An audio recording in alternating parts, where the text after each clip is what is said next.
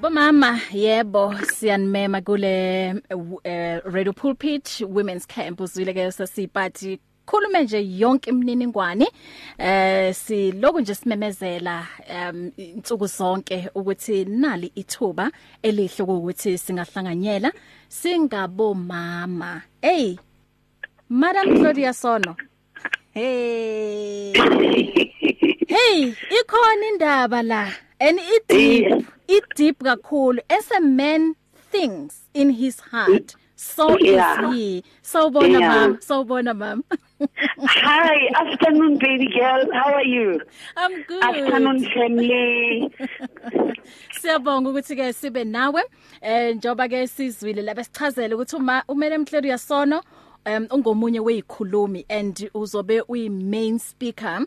Ku kule camp. Njoba ngisho ngithi ikhona indaba la and it deep so asingene nje kuyona. Ithini indaba um njoba isho ukuthi as a man thinks in his heart so is he. Ikakhulukazi kumuntu wesimami Definitely. Um, whoever is joining us, uh, Bashe, let me take this one minute and just recap on the facts that we presented last time before we come to this one.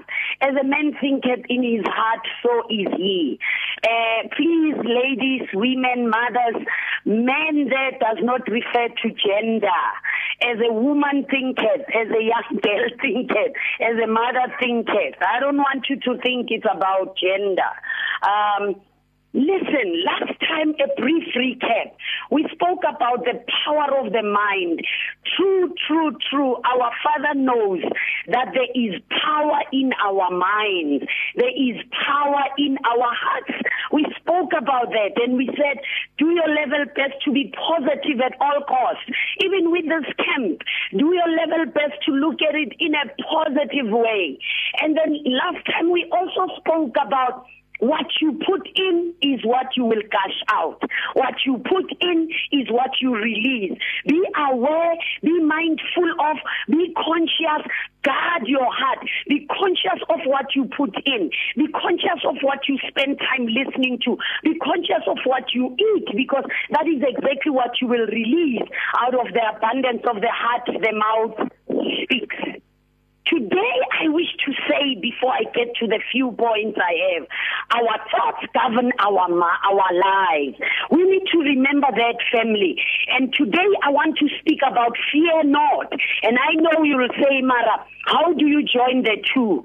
If you think a lot about the negatives around you and what actually is happening around you, and that which is not right, that which is falling apart, that which is, you know, you become so anxious and and fear comes into your life as to what will happen tomorrow, what will happen.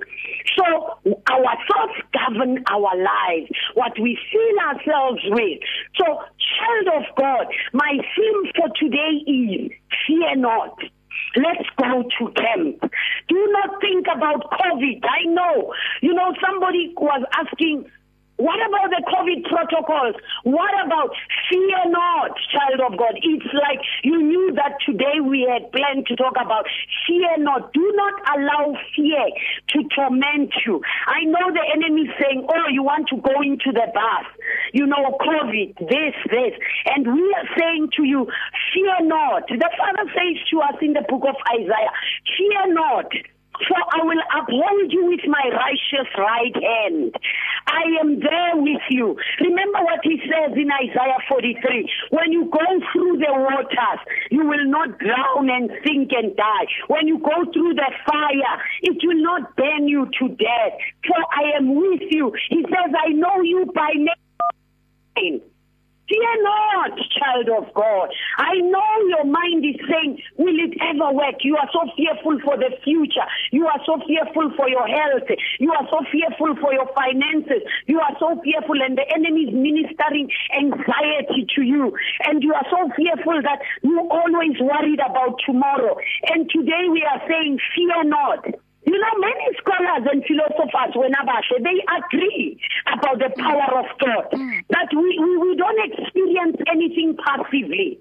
We decide. Mm. We choose. We decide. Mm. We make a decision.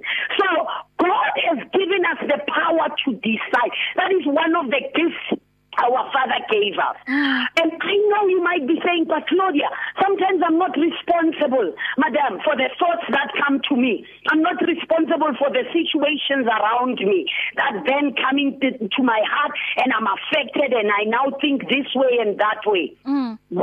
That is why we serve a smart God. We serve a great God who gave us the power of decision long before anything could happen or come our way. He knew that stuff will come our way, but we decide to meditate on it. We decide to stay on it. We can either counteract it with the word of God, we can counteract it with positivity that we are filled with, or we can meditate on this negativity until we are sick. Child of God, fear not. Come, Mm. come. Fear not. And I know you saying, but I want to come to camp. My heart wants to be there. Oh my God, will I ever get money? And if I take this last money that I have and I pay for the camp, I know when I come back I'll be hungry, this and that and that. And the enemy is showing you so many things because remember, he will always hinder us from getting into the present. Sure. Uyakhumbula wanted to go anywhere we wish to Mm. and, and, and, and, and do whatever we wish to, whether it was in line with the word or not, we would spend money, we would um, contribute, we didn't care. And that's what we are saying to you, child of God. Fear not, fear not. The Lord has a plan. God has a plan. So what are you thinking of? Think on Isaiah today. Think on Jeremiah 29, 11. I know the thoughts I have for you, said the Lord.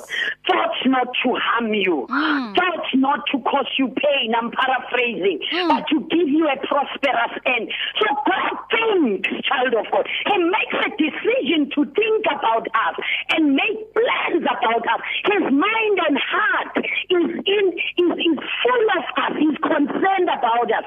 Yes, in the book of Psalms says, what am I that God is so mindful of me? Mm. Eh? Mm. Who am I that God can be so mindful of you? Child of God is not just mindful of you. Think about this. That's how special you are. In Ephesians 1 3, as I have blessed you with all spiritual blessings in high places. Therefore, as I have chosen you. Start thinking about these things. You know, Asha, during this, uh, the weekend, we had a night prayer with the women. I said, women, you don't know. You are God's favorite. How do I know? If you could allow the blood of his only son Mm. to be shed for you, you must mean a lot. You Wow. must be valuable. You Wow. must be worth his son's blood. Think about that. Mm. Think about that. The Bible says he who did not spare his son. Do Ah. you think he will withhold any good thing from you? Think about these things, child of God. What are you thinking about? Yes, Mm, you mm. have this 1,000, but God is saying, I have your healing a campaign. I have a word.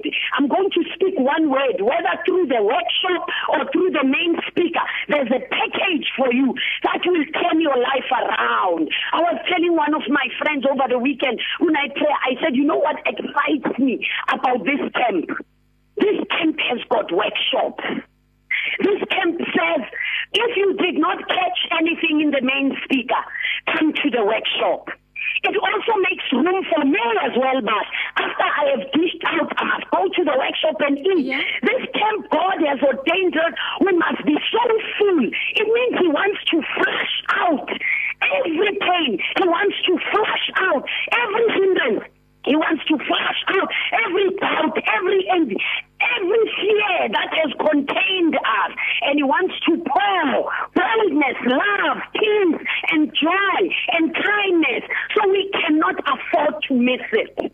We cannot Indeed. afford. I mean, Mina, I know I could be the f- main speaker, but I see God giving us Mm. four speakers. That is great for me. Wow. I see God saying, I'm bringing different gifts together. Mm.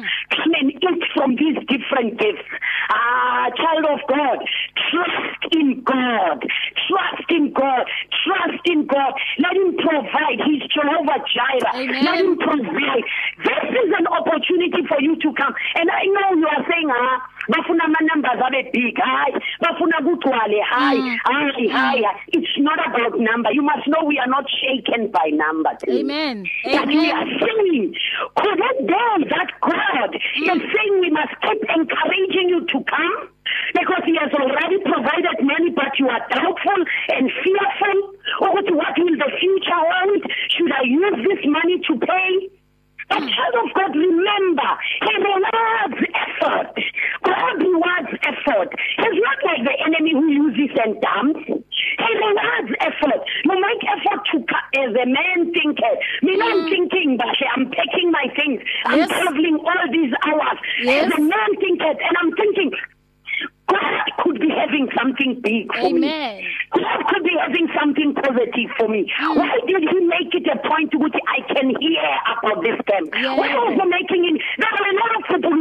who haven't heard about it, but why me now? Mm. Why, why must I hear about this camp? Remember, we can continue with whatever number God gives us. However, He is looking for you and I. He has seen you- our situations. Ah, God excites me. He has heard our cry. He has Amen. heard our cry. Amen. And when He hears your cry, He moves. God is moved by Mm. our tears. God is moved by our pain. He's not a father who does not care. He's not a husband who does not care. He's a husband who cares. He's a father who cares. And he's saying, this is what I want to do to turn your situation around.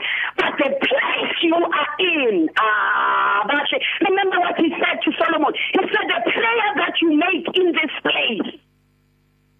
So God understands place. Yeah.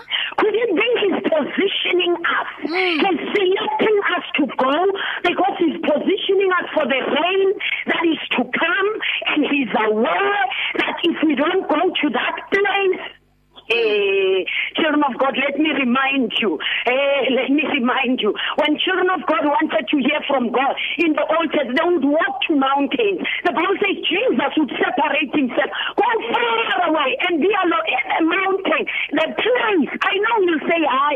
You know, join with them from home. The place is important. The place. Why did he designate this place? Why? Why? Why is God saying, move? Oh, people, Abraham, yes, I may want to bless you, but come out of this place. I'm Yeah. sending you to a place where I want to prosper you. So come out, fear not, child of God. Fear not. Come and be with us. Come, join us. Fear not. Fear Bona. not. Yes. Amen. Mm. Oh. Oh, Yes. Madam Claudia Son. The camp. Mina- already there. Yes, I would say- because, because when God calls us to a place, there's a purpose. He has already dispatched angels. He has already made a setup. There's a holy meeting happening at the place ready for us. Because you know why? He's away. We are leaving our families behind. We are leaving, we are, we are, we are taking time out. Some of into our coffers. Money that we had invested, money that we had said we will use for this and this. He says, how much do you trust me? Amen. ukuthi you can take and borrow Mm. from this purpose and come and hear me. It be not. that there is something the Lord has laid over Heldenes, over Mancha, over Mfundisi Masina? Could it be that there's something God has laid just for me? Mm. Eh, Just for me. Oh Lord, speak one word. This is how I'm thinking, Mina. I don't know what is your thinking. Mina, this is my thinking. Ukuthi God meet with me at the camp.